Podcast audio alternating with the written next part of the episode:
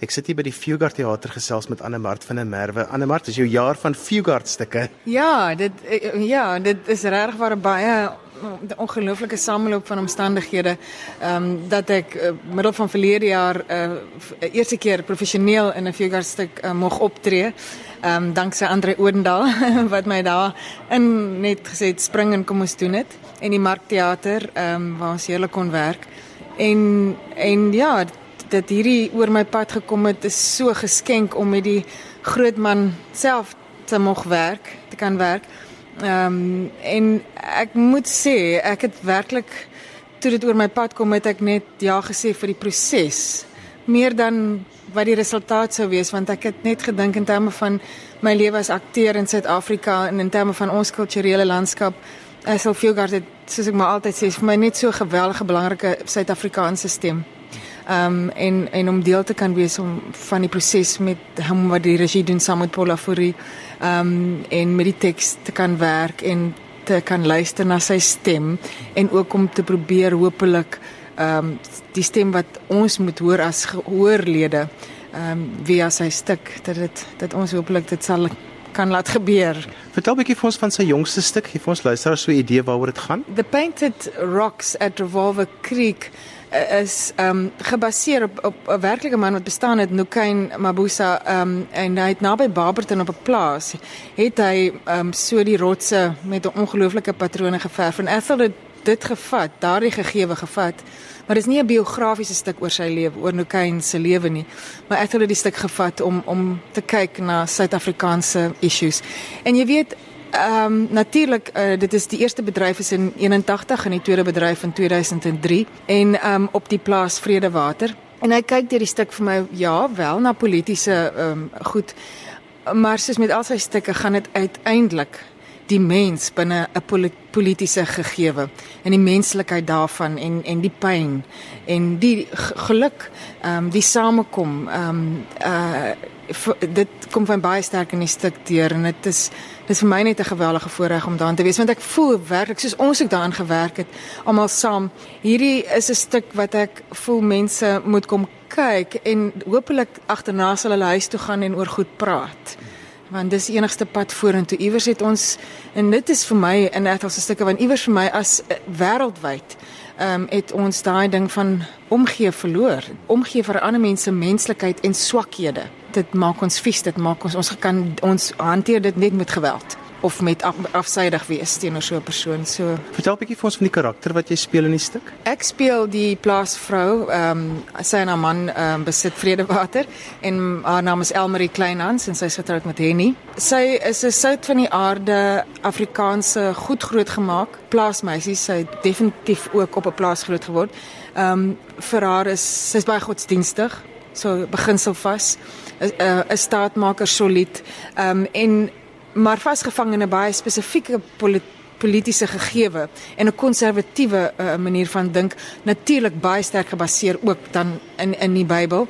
Ehm um, vir my baie interessant ehm um, Ethel laat die karakter dat dit dit deur daaroor kom hoe lief sy vir die grond in die land is en in gewoonlik sal jy dit deur die boer, deur die man se karakter beleef, maar hier lê hy dit ook in in in die vrou se karakter dat sy 'n geweldige liefde vir grond en vir boer en en het. En en Elmarie dink ek haar groot dilemma is dat sy glo nie dat dinge kan skeefloop nie want die Here sal dit nie toelaat nie.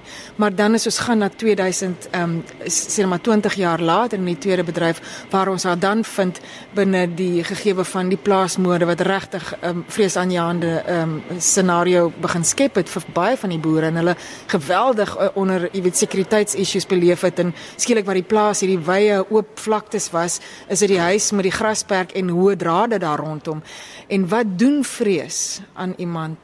Ehm um, en dit is 'n baie interessante vir my reis se karakter om haar te weer ek leer haar ken in haar soort van 40 40er jare, vroeë 40s en dan in haar 60er jare met van jy weet met die vryheid van Suid-Afrika en dan ook daai tipe vrees wat wat die wit boere ervaar nog steeds. Vertel 'n bietjie vir ons van die temas van die stuk want dit is ons nou Ethel Fugard kenmerk dat hy die temas van die dag so kan inweef by menslike stories. Ja, jy weet met hierdie stuk voel ek wel dat in terme van tema is dit hierdie ja, dit is Suid-Afrikaans, absoluut. maar dit is vir my globaal hierdie stuk. Ehm um, en as ek een tema moet uitsonder, is dit vir my hoe sien ons mekaar? Hoe sien ons mekaar en sien ons mekaar? Wat is die uitdagings wat 'n Ethel Fugard stuk aan 'n aktrise doen?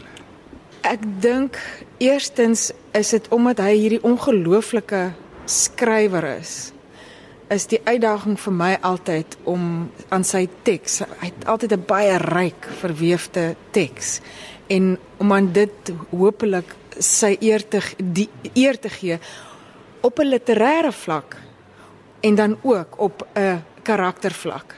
Maar dit is vir my wat wonderlik aan sy teks is dat ek voel as 'n akteur natuurlik jy wil speel en die dialoog moet klink soos iemand wat praat en moet natuurlik oorkom en jy jy wil gaan vir die waarheid daar agter um, en dat dit waar sal klink. Maar daar is ook vir my met sy tekste 'n deel van my akteurskap wat ek tog die skoonheid van sy van sy skryf van sy woordkuns uh dat jy dit ook wil eer. Ja. Vertel 'n bietjie vir ons van die interaksie met Ethel Fugard hoe jy dit ervaar. nee, ja. Ek moet sê ek ek ek in die eerste week het ek nogal gedink jy moet onthou word betaal om te act. jy kan nie net hier sit en en swem in hierdie wonderlike ervaring nie. Maar ehm um, jy weet hy gee mens selfvertroue en hy is hy's baie duidelik oor wat hy sien en natuurlik hy het hierdie karakters geskryf en geskep. Hulle lewe in sy hele wese. Hy hulle hy weet kan hulle proe ryk en hoor. Ehm um, maar hy so dit is lekker om dit te weet, maar terselfdertyd is dit vir my wonderlik want hy gee vir jou, hy sê gaan, gaan.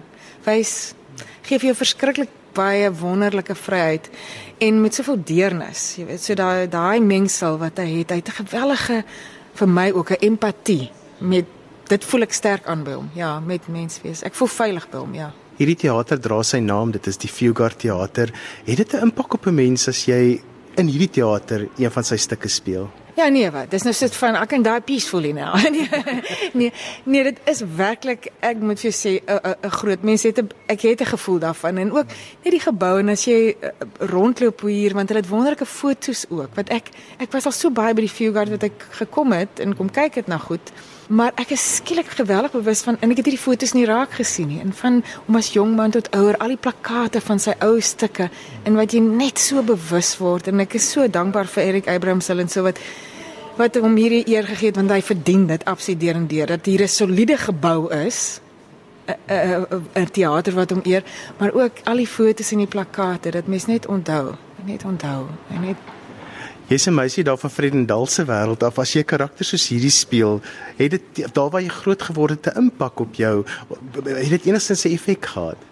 Weet jy, ek het op die dorp groot geword. So ek het nie so sterk sin vir grond. Ek is grond het ek of vir boer nie. In in hierdie stuk vir my die karakters is soort van in die noorde. Jy weet ons het nou in die kolonie gebly.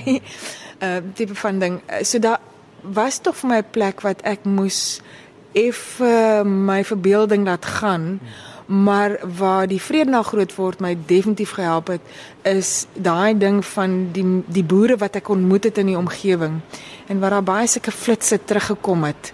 Ehm um, en ek onthou die nederigheid van die mense en daai liefde soos ek sê, as jy boer is, as jy boer is, jy boer. Maak saak van watter land jy woon nie, maak saak van watter kultuur jy kom nie. 'n Boer is 'n baie 'n baie spesifieke persoon en het 'n so spesifieke verhouding met met natuur en en met geloof op op op 'n aardse sout sout sout van die aarde manier wat en dit het dit het is ek dankbaar vir dat ek in nou al het ek op die dorp groot geword maar dat ek onthou al daai wonderlike boere wat mens natuurlik interaksie mee gehad het ja